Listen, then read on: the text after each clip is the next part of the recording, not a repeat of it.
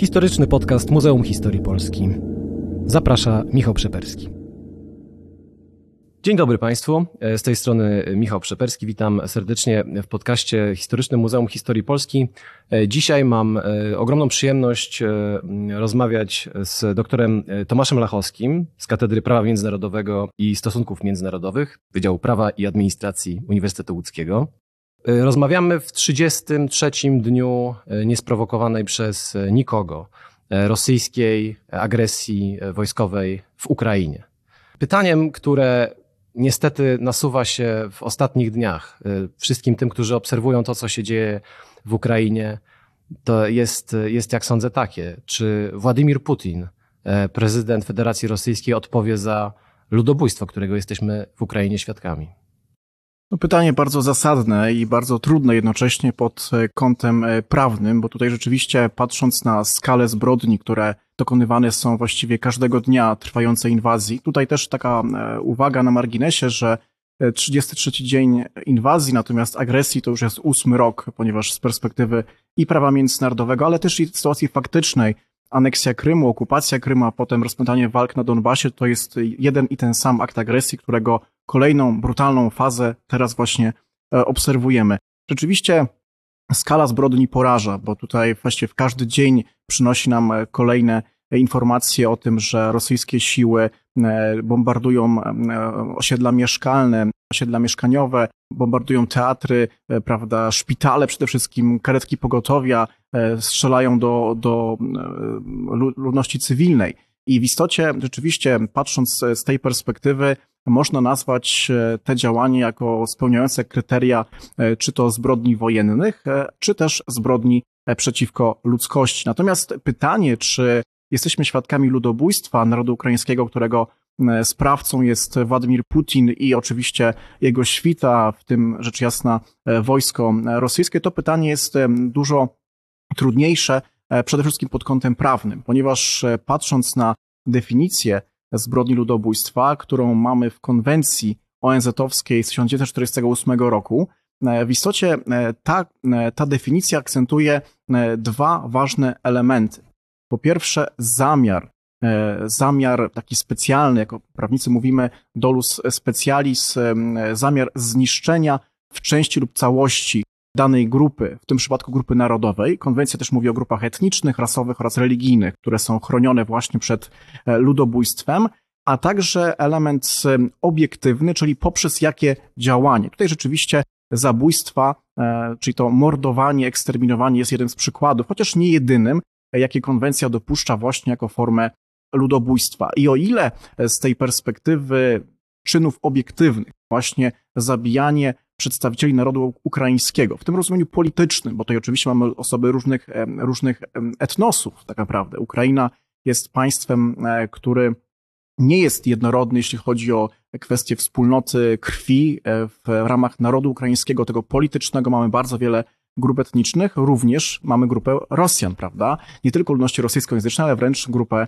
etniczną e, Rosjan. I w tym przypadku e, trudnością z perspektywy takiej sądowo-prokuratorskiej byłoby właśnie udowodnienie pewnego specjalnego zamiaru, tego elementu subiektywnego, dotyczącego właśnie celu, jakim jest zniszczenie w części lub całości grupy narodowej e, ukraińskiej. To jest największy problem właśnie e, w, tym, w tej dyskusji dotyczącej odpowiedzialności karnej pana Putina, czy też ministrów jego rządu i wojskowych, bo w istocie dużo efektywniejszy, jeśli chodzi o pewną strategię prokuratorską, czy to Trybunału w Hadze, czy też pewnych tutaj procedur krajowych, na pewno byłoby raczej koncentrowanie się na zbrodniach wojennych, czy zbrodniach przeciwko ludzkości, bo jest to dużo lepiej ugruntowane i prawnie, i w ramach orzecznictwa sądów międzynarodowych.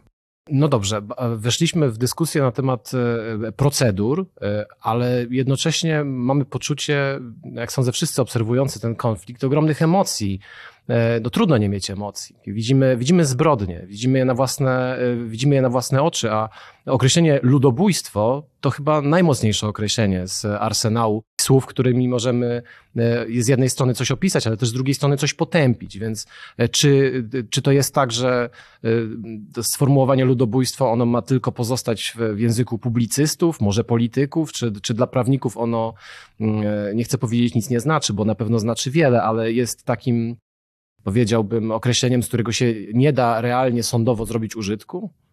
Rzeczywiście ludobójstwo to zbrodnia nad zbrodniami. To rzeczywiście sami prawnicy tak do tego podchodzą, że w, w takim w kategorii tak zwanych zbrodni międzynarodowych, które wynikają z pewnego dziedzictwa E, Trybunału Wojskowego w Norymberdze. Mamy dzisiaj takie cztery e, główne zbrodnie. Właśnie ludobójstwo, zbrodnie wojenne, zbrodnie przeciwko ludzkości oraz zbrodnie agresji, kiedyś nazywaną zbrodnią przeciwko pokojowi.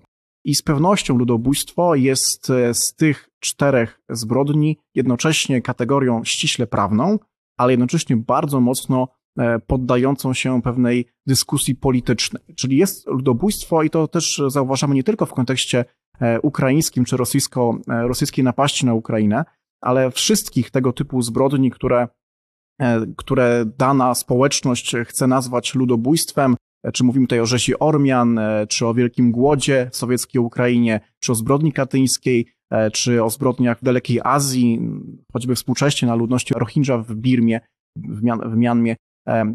W, w istocie oprócz tego, tej składowej prawnej mamy składową również polityczną, czyli E, państwo, najczęściej państwo e, chce właśnie nazwać, odpowiednio wzmocnić swój przekaz, że dokonuje się właśnie ludobójstwo e, danej grupy, grupy narodowej, grupy etnicznej, czy też rasowej, czy, czy religijnej. Patrząc na mm, doświadczenie sądów karnych międzynarodowych na czele z tym jedynym stałym, czyli Trybunałem Karnym w Hadze, Międzynarodowym Trybunałem Karnym w Hadze, w istocie mamy bardzo mało doświadczeń, e, w których e, trybunały międzynarodowe osądziłyby za zbrodnie ludobójstwa. Mamy tych, takich przykładów kilka. Z pewnością tutaj e, Trybunał Karny byłej, byłej Jugosławii, również w Hadze zlokalizowany już dzisiaj, który swoją, który, który swoją pracę zakończył, choćby takie postacie jak Radko Mladic, Radisław Krstić czy Radovan Karadzic, oni byli rzeczywiście skazywani za zbrodnie ludobójstwa. Podobnie mamy kilka przykładów w Trybunale dla Ruandy, i też w takich specjalnych izbach dla Kambodży, jeśli chodzi o ludobójstwo czerwonych e, Kmerów. Ale to są tak naprawdę pojedyncze e, przykłady, e, które wskazują właśnie na to, że z perspektywy prokuratorskiej jest to niezwykle trudne. Ale to nie oznacza, że nie można mówić o tym w takim ujęciu bardziej konceptualnym, bardziej wręcz naukowym, ale nie na zasadzie takiej czystej teorii, ale właśnie pokazania pewnych schematów, bo pamiętajmy, że ludobójstwo w takim ujęciu ściśle prawnym, ono oczywiście musi być oparte o definicję prawną właśnie z konwencji ONZ-owskiej, a także statutów poszczególnych trybunałów.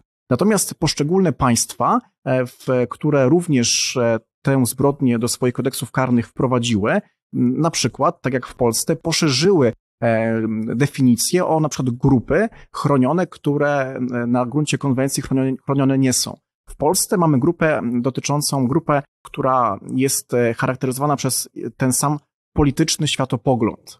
E, Sowieci, zwłaszcza Sowieci, w, w czasach, e, kiedy konwencję ONZ-owską przyjmowano, bardzo mocno nastawali na to, żeby takie grupy jak grupy społeczne czy polityczne wyłączyć właśnie spod definicji, ponieważ obawiali się, że zbrodnie, które właśnie dopuszczali się na ludności swojego własnego państwa, jak chociażby Wielki Głód w sowieckiej Ukrainie, ale nie tylko, był skierowany właśnie wobec e, grupy społecznej czy też grupy politycznej. Podobnie, e, paradoksalnie, postępowały mocarstwa zachodnie, które z kolei obawiały się, że dawne zbrodnie w ich własnych koloniach również mogą być tak potraktowane, jako właśnie kierowane wobec pewnych grup społecznych czy też politycznych, niekoniecznie grupy narodowej. I to powoduje, że e, kodeksy karne krajowe są taką furtką dotyczącą właśnie możliwości e, ścigania e, tego typu e, zbrodni. Jeśli chodzi o ten współczesny wymiar, który obserwujemy, ja bym powiedział w ten sposób, że o ile rzeczywiście, i tutaj ta teza musi wybrzmieć bardzo, bardzo wyraźnie, nie sądzę, żeby kiedykolwiek Putin odpowiedział za zbrodnie ludobójstwa.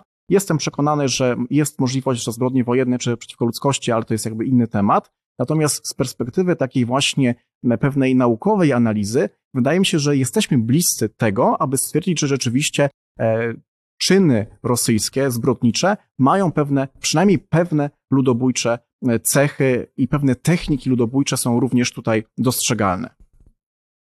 W naszej serii podcastów y, poszukujemy odpowiedzi e, na pytanie, e, co to znaczy Ukraina.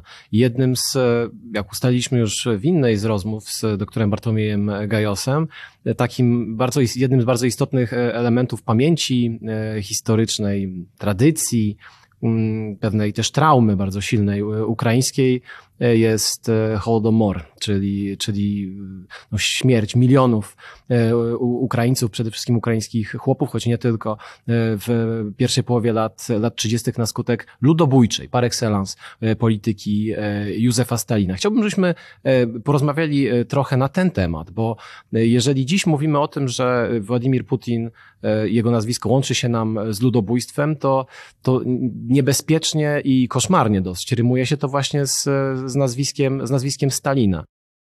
Rosja, czy też centrum sowieckie i Ukraina ma bowiem w gruncie rzeczy no, wieloletnią, e, długotrwałą tradycję bardzo silnej przemocy o właśnie skali, skali ludobójczej. Niektórzy nazywają e, Holodomor ludobójstwem kolonialnym, prawda? Tak, z pewnością e, temat właśnie Hołodomoru, czy też jak w Polsce częściej mówi, mówi się o tym o Wielkim Głodzie, chociaż tutaj też zaraz wyjaśnię, że to pojęcie Wielkiego Głodu, które nam kojarzy się wyłącznie z tymi e, dwoma strasznymi latami właśnie, które skutkowały e, śmiercią, jak dzisiaj się przyjmuje, około 4 milionów ludzi, bo też są te szacunki bardzo różne, ale te ostatnie e, dane, które właśnie Ukraińcy sami, to jest około 4 milionów ludzi i prawdopodobnie jeszcze milion czy dwa miliony osób nienarodzonych, które właśnie z tego powodu się nie urodziły. To nie tylko z perspektywy właśnie tego pojęcia ludobójstwa kolonialnego te dwa lata 1932-1933 roku. Dlaczego? Mówił o tym bardzo wyraźnie twórca pojęcia ludobójstwa, Rafał Lemkin, polski prawnik. Myślę, że osoba, która nie dość dobrze i tak jest znana w Polsce. Bardzo szkoda, ponieważ jest to no, wybitna postać, która nadała kształt właśnie e, prawnemu pojęciu zbrodni ludobójstwa, ale w istocie Lemkin postrzegał ludobójstwo w sposób szerszy niż to finalnie właśnie e, mamy w konwencji ONZ-owskiej.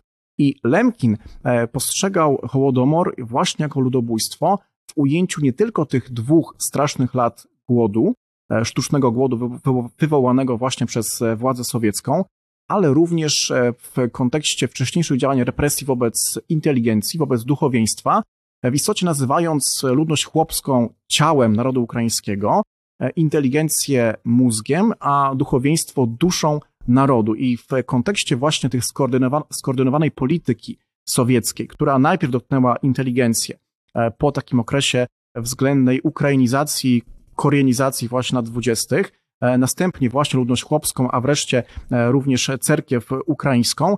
W istocie Lemkin tak rozumował, że ta polityka sowiecka miała mieć jeden główny cel, czyli pewnym środkiem do tego, aby stworzyć nowego człowieka sowieckiego, Homo sovieticus, była właśnie różnorodna e, technika ludobójcza. Z jednej strony e, właśnie masowe eksterminacje poprzez sztuczny głód, z drugiej strony właśnie represje wymierzone w inteligencję czy też w duchowieństwo. I w, w tym przypadku wydaje się, że zwłaszcza mając na względzie fakt, że Lemkin tak mocno podkreślił ten fakt w swoim takim słynnym, choć na lata zapomnianym wystąpieniu w dwudziestolecie Wielkiego Głodu. Było to podczas e, manifestacji takiego wielkiego wiecu w Nowym Jorku, e, właśnie wśród ukraińskiej diaspory, kiedy już konwencja ONZ-owska e, właściwie weszła w życie, już była od dwóch lat właśnie w mocy prawnej i on stwierdził, że tak naprawdę to jego koncepcja ma również odbicie w tekście prawnym, bo spojrzał na tekst prawny, który stwierdza, że nie tylko ludobójstwo to nie tylko fizyczna eksterminacja. I właśnie pod tym kątem patrząc, rzeczywiście ta koncepcja lemkinowska, e, podkreślmy to, ojca pojęcia ludobójstwo, rzeczywiście jest w pełni e, w kontekście Hołodomoru odzwierciedlona. Co ciekawe, e, Ukraińcy w 2010 roku przeprowadzili, to był schyłek rządów Wiktora Juszczenki jako prezydenta państwa ukraińskiego, przeprowadzili takie specjalne postępowanie, w którym oskarżono Stalina, Mołotowa i kilka innych osób z sowieckiej wierchuszki właśnie o zbrodni ludobójstwa na narodzie ukraińskim poprzez ten sztuczny e, głód. Sąd w Kijowie musiał umorzyć postępowanie, ponieważ oskarżeni po prostu nie żyli, natomiast rzeczywiście stwierdził w swoim postanowieniu, że skala zbrodni i metoda, która była podjęta i cel, właśnie zniszczenie w części, w tym przypadku narodu ukraińskiego, rzeczywiście odzwierciedla e, konwencyjną, konwencyjną definicję oraz e, również e, prawo krajowe ukraińskie. Tutaj paradoksalnie Ukraińcy skupili się wyłącznie na tych dwóch latach głodu, co powoduje, że trochę stracili sami z oczu właśnie ten kontekst kolonialny, bo to nie tylko te dwa straszliwe lata, ale właśnie cała polityka, która rzeczywiście doprowadziła do sytuacji, w której po II wojnie światowej, po tym okresie krótkich, no dość intensywnych, ale walk ukraińskiej partyzantki na zachodzie kraju, właściwie rzeczywiście ta ukraińska tożsamość została no, na wiele lat zahibernowana i tylko dzięki takim postaciom jak choćby Wasyl Stus czy inni e, desydenci, poeci i literaci przetrwała. I tutaj rzeczywiście widzimy e, skalę efektu ludobójstwa sowieckiego na narodzie, na narodzie ukraińskim. To jest jeden z powodów, dla których tą sytuację, koszmarną sytuację bieżącą łączymy z historią, bo niestety e, przeszłość wiele nam e, może powiedzieć o, o, o współczesności. E, chciałem zapytać, czy właściwie uprawnione jest takie mm, traktowanie Władimira Putina i współczesnej władzy rosyjskiej jako kontynuatorów takiej bardzo brutalnej, kolonialnej władzy no właśnie rosyjskiej, imperialnej, sowieckiej, e, która właściwie ma za nic e, ukraińską e, odrębność i też no, w pewnym sensie być może w takim generalnym nastawieniu politycznym można byłoby się do, doszukiwać tych, tych śladów tego mm, dolus specialis, jak pan to określił. Tak, wydaje mi się, że na kilku płaszczyznach z pewnością tak właśnie jest.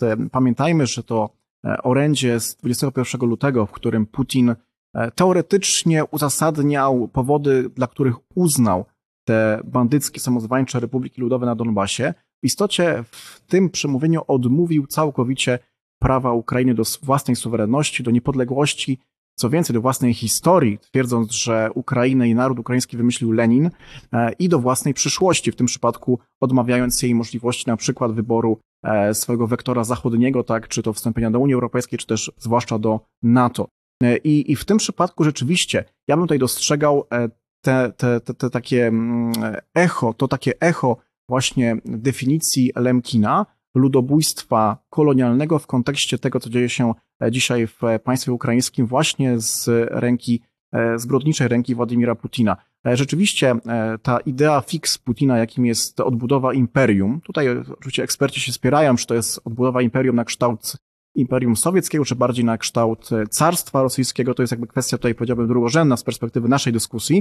Natomiast z pewnością ta idea fix polega na tym, że o ile kiedyś mówiono właśnie o e, tej, e, tym pomyśle homo sovieticus, to teraz mamy pomysł nowej koncepcji e, ruskawa mira, ruski mir, czyli, czyli ten rosyjski świat, który właśnie również ma ulepić nowego człowieka.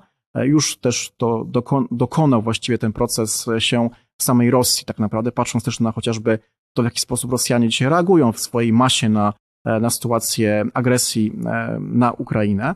Natomiast e, człowiek tego Ruska Wamira ma być człowiekiem myślącym, mówiącym w języku rosyjskim, ma być człowiekiem, który chodzi do cerkwi rosyjskiej prawosławnej, ma być człowiekiem, który zgadza się z linią polityczną Kremla, Putina, czy też ewentualnie jego następców. Natomiast wszelkie elementy odrębności, odrębności takiej narodowej właściwie są zdegradowane do takiego co najwyżej poziomu e, pewnego etnosu, który na przykład może się e, co jakiś czas spotkać i zaśpiewać piosenkę ludową po ukraińsku, czy ubrać e, wyszywankę na jakieś akurat wydarzenie, które temu jest poświęcone, natomiast nie ma mieć prawa do własnej tożsamości narodowej, co z kolei daje asumpt do posiadania własnego państwa. Oczywiście ja zdaję sobie sprawę, czy też jakby prognozuję, że Putin próbując degradować Ukraińców i Ukrainę do wyłącznie części swojego nowego imperium, które buduje. Mam nadzieję, że nie ukończy tej budowy.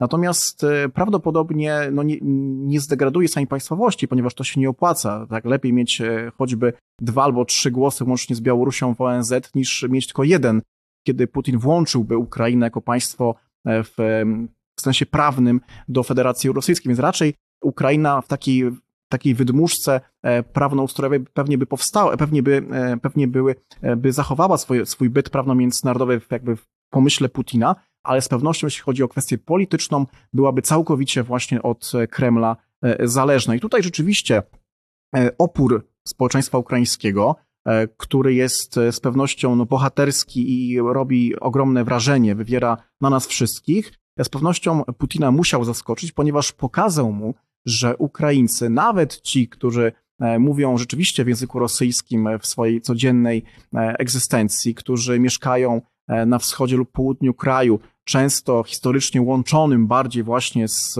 centrum w Moskwie niż w Kijowie czy też w Lwowie, E, też nie są skłonni, aby być wyłącznie częścią większej całości społeczeństwa rosyjskiego, ewentualnie tego społeczeństwa znowuż imperialnego e, z ośrodkiem w Moskwie. I tutaj e, paradoksalnie Putin mówił, że Ukrainę stworzył Lenin. Ja mam taką tezę, że Putin sam stworzył naród ukraiński polityczny, bo oczywiście ten naród istniał i będzie istniał, naród ukraiński, ale w sensie politycznym on tak naprawdę zaczął się tworzyć po 2014 roku i aneksji Krymu i walkach na Donbasie. No właśnie, to jest, y, jak sądzę, bardzo, bardzo istotne. Mówi się często, mówią politolodzy, którzy na bieżąco analizują tę sytuację, komentują ją dziś w mediach, że pomiędzy rokiem 2014 a 2022 zaszło na Ukrainie bardzo wiele zmian. I chciałbym o tych zmianach jeszcze z Panem porozmawiać.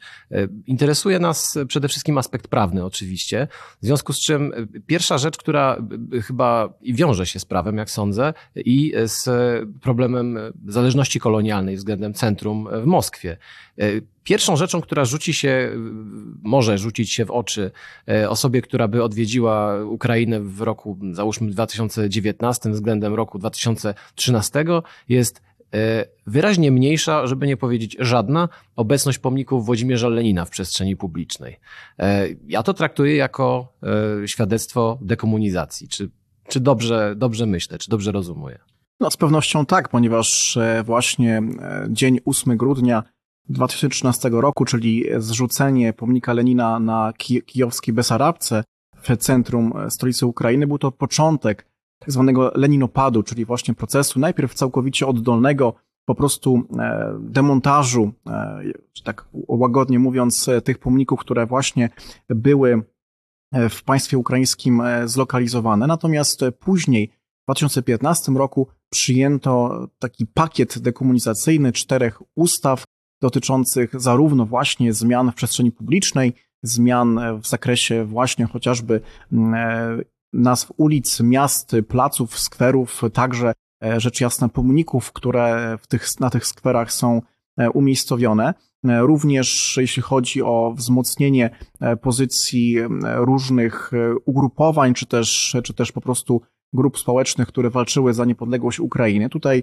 e, nie tylko jak w Polsce bardzo mocno ten wątek wybrzmiał wówczas ukraińskiej powstańczej armii, ale na przykład grupy helsińskiej, e, która właśnie była w sowieckiej Ukrainie utworzona, czyli tej grupy, e, grupy która, która walczyła o, o prawa człowieka, o godność człowieka, właśnie chociażby postać, którą już wymieniłem, Wasyla Stusa, przykład poety, literata, który był właśnie członkiem e, grupy helsińskiej. E, to wszystko złożyło się na takie przepracowanie e, historii tej kolonialnej, sowieckiej właśnie dominacji nad Ukrainą.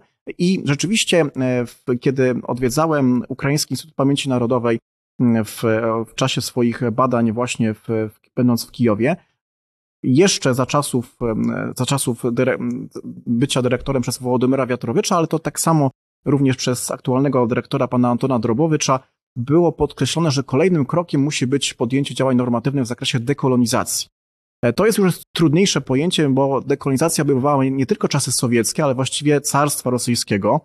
Oczywiście, dosłownie mówiąc, demontażu właśnie pomników Katarzyny II chociażby i innych e, władców, e, władców carstwa, ale także chyba to istotniejsze, pewnego przeorientowania w ogóle całej świadomości społeczno-narodowej, czyli e, z bycia częścią e, tej większej całości e, w, z centrum w Moskwie na rzeczywiście państwo niepodległe ze swoją własną historią, wywodzącą się od czasów Rusi kijowskiej i ruskiej prawdy, chociażby jeśli mówimy tutaj o prawie, tak, pierwszych, pierwszych właśnie przykładach prawa stanowionego w państwie Jarosława Mądrego, a nie w tej narracji przez Rosję narzuconą właśnie jakoby Ruś Kijowska i każda kolejna odsłona państwa ukraińskiego była wyłącznie e, pewną częścią właśnie e, imperium, czy też wcześniej Księstwa Moskiewskiego, a później imperium rosyjskiego.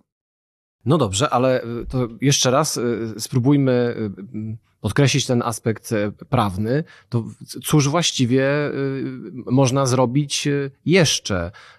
Zastanawiam się nad tym, że wprowadzenie ustaw y, to jedno, ale bardzo też jest chyba istotne ich, y, no nie chyba, jest bardzo istotne ich wdrażanie, ich e, realna, realna egzekutywa. Jak to przebiegało? Rzeczywiście, to oczywiście jest, jest kluczowe, aby, aby ustawy nie były wyłącznie papierem, który wszystko przyjmie.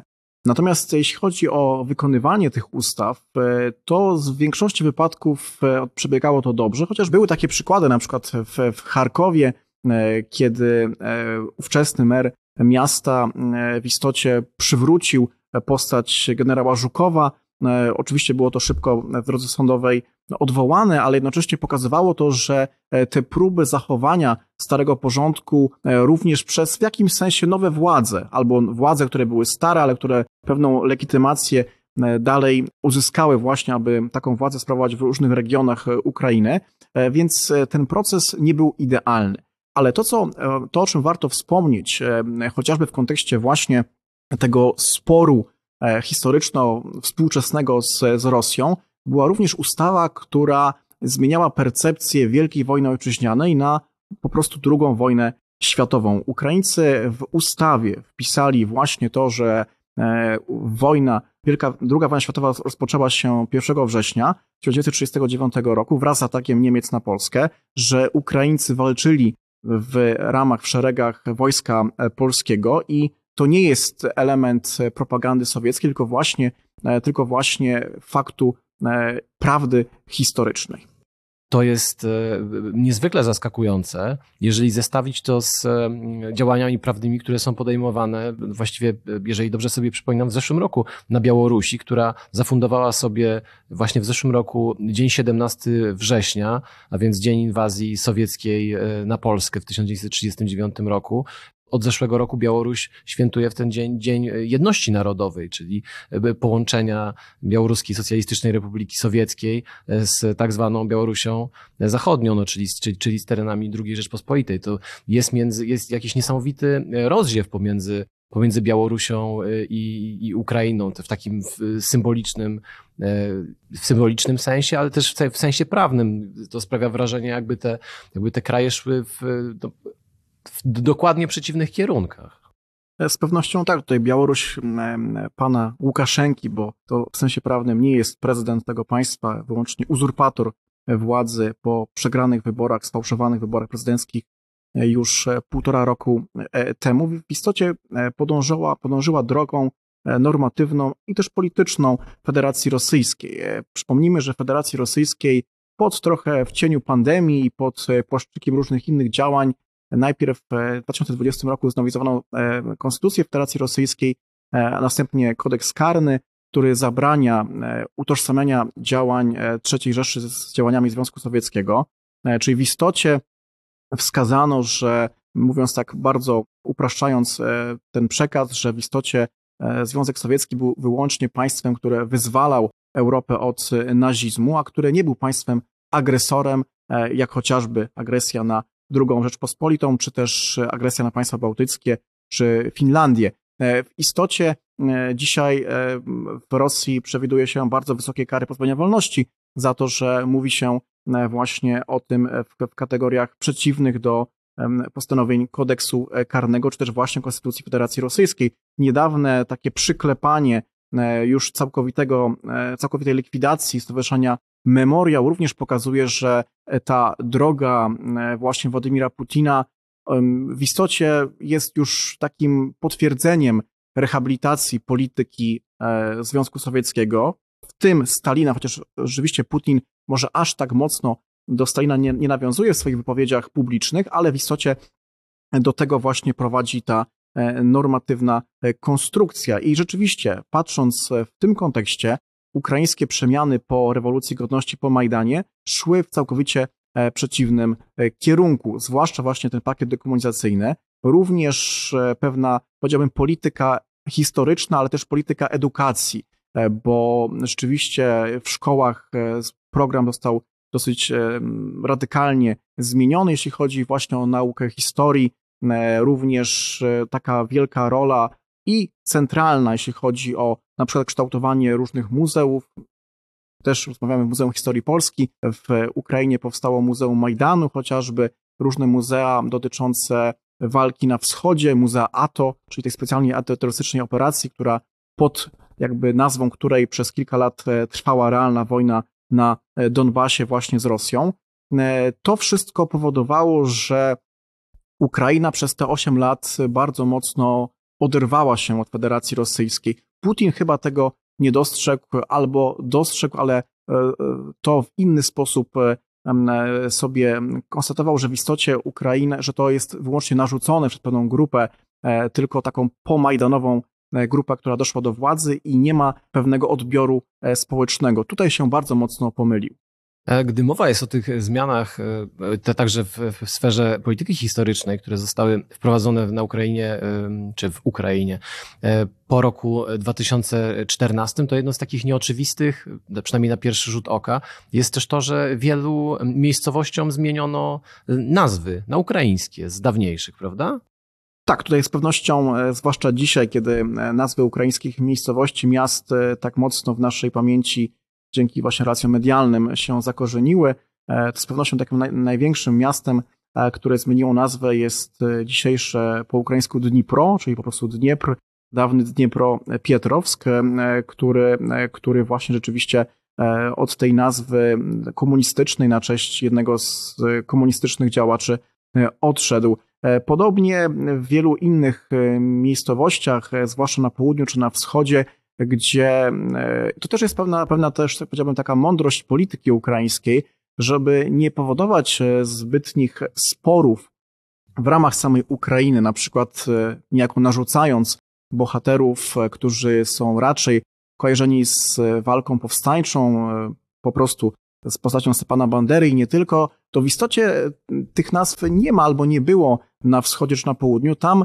odnajdywano w annałach historii, kronikach dawne nazwy historyczne, ukraińskie właśnie, e, które były odświeżane, które były odnawiane, e, a te dawne, te, te szyldy komunistyczne po prostu zrzucano. I taka ciekawostka, e, właśnie trochę nawet humorystyczna, jeśli chodzi o trwającą agresję rosyjską, trwającą wojnę. W jednej właśnie z miejscowości na południu rosyjscy agresorzy kierowali się nazwą jeszcze sprzed dekomunizacji, co, co powodowało, że nie byli pewni, gdzie, gdzie dokładnie się znajdują, a e, ukraińscy obrońcy e, udało im się wówczas e, właśnie zniszczyć taką, taką kolumnę rosyjską, właśnie dlatego, że Rosjanie kierowali się mapami jeszcze sprzed dekomunizacji, a w istocie nie wiedzieli, że są w miejscowości, w której właśnie czai się pewien oddział sił zbrojnych Ukrainy. Więc to wszystko pokazuje, jak daleko dzisiaj jest Kijów, czy cała Ukraina od właśnie, od właśnie Kremla. To rzecz dosyć symboliczna, to wydaje się, że właściwie e, wszystkie te zamiary e, Władimira e, Putina są jakby tak zaplanowane przy użyciu starych koordynatów, starych map i chyba też starego zestawu poglądów. Jest jeszcze jedna rzecz, o którą chciałbym zapytać, mając okazję rozmawiać z Panem o, o problemach prawnych. Jednym z większych problemów, jakie wyobrażam sobie, że Ukraina ma, jest to, że w szeregach jej prominentnych przedstawicieli klasy politycznej jest wielu polityków e, prorosyjskich. No może najbardziej oczywistym e, przykładem byłby jeden z, z, z prezydentów Wiktor Janukowycz, który w 2014 roku, no cóż, de facto zdezerterował, uciekł z kraju, e, no wcześniej wydając rozkaz krwawego rozprawienia się z, no z buntem społecznym na, na, na ogromną skalę. W jaki sposób Ukraińcy rozliczają, czy rozliczyli się z tym? Rzeczywiście, tuż po Majdanie takim pierwszym, pierwszym mechanizmem z, tego, z tej puli pojęcia sprawiedliwości okresu przejściowego, które no jakby też kojarzymy z naszym państwem po transformacji z komunizmu, komunizmu do demokracji, było podjęcie i uchwalenie ustawy lustracyjnej. Ta lustracja obejmowała przede wszystkim właśnie w swoim zamierzeniu ludzi związanych z Wiktorem Janukowiczem, z partią regionów, czyli właśnie z partią macierzystą Janukowycza. I w istocie miało być takim właśnie pierwszym E, pierwszym symptomem zmian, czyli odejścia od w tym przypadku, no, może nie totalitarnych, ale autorytarnych rządów, kojarzonych e, po pierwsze zarówno z Moskwą, ale też i wielką korupcją, e, systemem wręcz kryminalnym, właśnie osadzonym na tak zwanej SIMI, czyli na rodzinie Janukowycza, nawet dosłownie, bo jego syn również był zaangażowany właśnie w takie powiązania biznesu e, z, z po prostu środowiskiem kryminalnym i politycznym na Donbasie, e, tutaj zwłaszcza jeśli chodzi o e, wydobycie węgla. Te kwestie rzeczywiście były, były podstawą takiej piramidy, która ukształtowała system rządów Janukowycza i właśnie system po prostu korupcyjny. Ustawa lustracyjna w zamierzeniu miała odsunąć ich od możliwości pełnienia funkcji publicznych.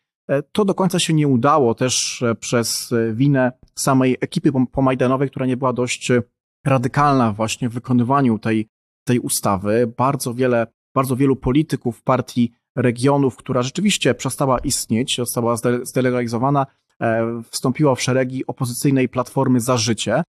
To dzisiaj również już po, po agresji rosyjskiej, po tej inwazji sprzed e, miesiąca partia, która również nie jest już legalna na terytorium e, Ukrainy, z takim, z takim liderem Wiktorem Medwedczukiem, który z kolei jest powiązany bezpośrednio z Władimirem Putinem. I rzeczywiście wiele, wielu tych polityków przebranżowiło się, stając się właśnie, stając się właśnie członkami opozycyjnej Platformy za Życie. Więc w tym przypadku trzeba powiedzieć to jasno.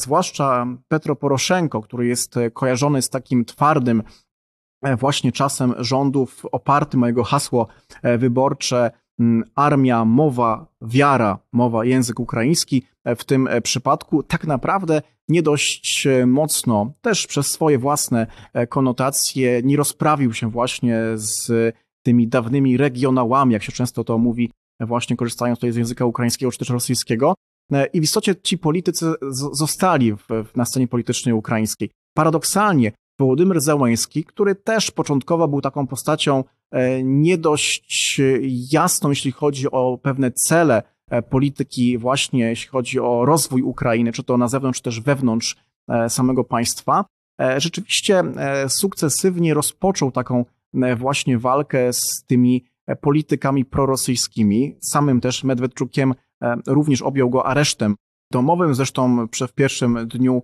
agresji rosyjskiej Medwedczuk e, wyjechał na Białoruś. To też tutaj e, kolejny sygnał właśnie, jak ci porosyjscy politycy po prostu pracowali. To była piąta kolumna Moskwy, tutaj nie ma co się czarować, że było, że było, że było inaczej. I to, co jest właśnie ciekawe, że Wołodymyr Zełański, który miał być takim trochę miękkim graczem, E, który gdzieś tam bazując też na swoich własnych doświadczeniach, osoby pochodzącej z Krzywego Rogu, e, osoby, która mówiła w języku rosyjskim w życiu codziennym, która nie miała tej, takiej, e, takiej karty majdanowej, ale też nie miała karty choćby pomocy tak na, na Donbasie. Oczywiście pewne pieniądze on przekazywał weteranom z racji tego, że E, że prowadził swoje studio filmowe, kwartał 95, więc e, wspomagał oczywiście armię ukraińską, ale nie miał takiej estymy właśnie i e, legendy majdanowo-wojennej. A jednak to Wołodymyr Załański podjął pewne kroki, również te normatywne.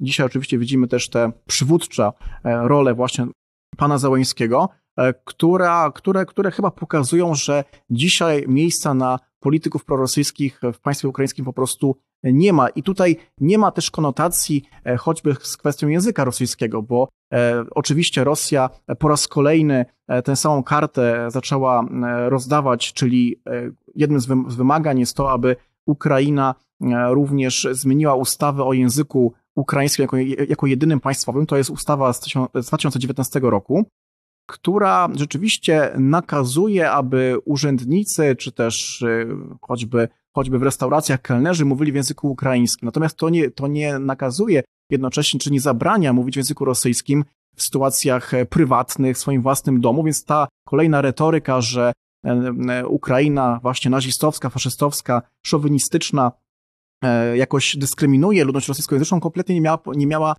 odbicia właśnie w samej ustawie krytykowanej przez Putina i też w jej wykonaniu. I co ciekawe, dzisiaj, kiedy oczywiście w warunkach wojennych to trudne, ale kiedy pewne próby badań socjologicznych są prowadzone, to nawet wśród ludności rosyjskojęzycznej przekonanie, że język ukraiński jest jedynym językiem oficjalnym, jest naprawdę dominujące. To jest bardzo ciekawe, że osoby oczywiście mówią w tym języku, ponieważ tak zostały wychowane, też przez właśnie aspekt kolonialny, po prostu to, że e, Rosjanie zdominowali, czy Sowieci e, właśnie Ukrainę przez wiele, wiele set lat, patrząc e, historycznie, to faktu nie zmienia, że nawet te osoby rosyjskojęzyczne właśnie twierdzą, że jedynym językiem powinien być język ukraiński, co jest kolejnym dowodem na to, że Ukraina chce rzeczywiście takiej pełnej dekolonizacji od, od Moskwy. Chyba to jest puenta naszej dzisiejszej rozmowy, najlepsza, e, jaką mógłbym sobie wyobrazić. Doktor Tomasz Lachowski, Katedra Prawa Międzynarodowego i Stosunków Międzynarodowych Wydziału Prawa i Administracji Uniwersytetu Łódzkiego. Bardzo dziękuję. Bardzo dziękuję. Historyczny podcast Muzeum Historii Polski. Podcastów Muzeum Historii Polski wysłuchasz na YouTube, Spotify, Google Podcast, w Audiotece, a także na innych platformach podcastowych.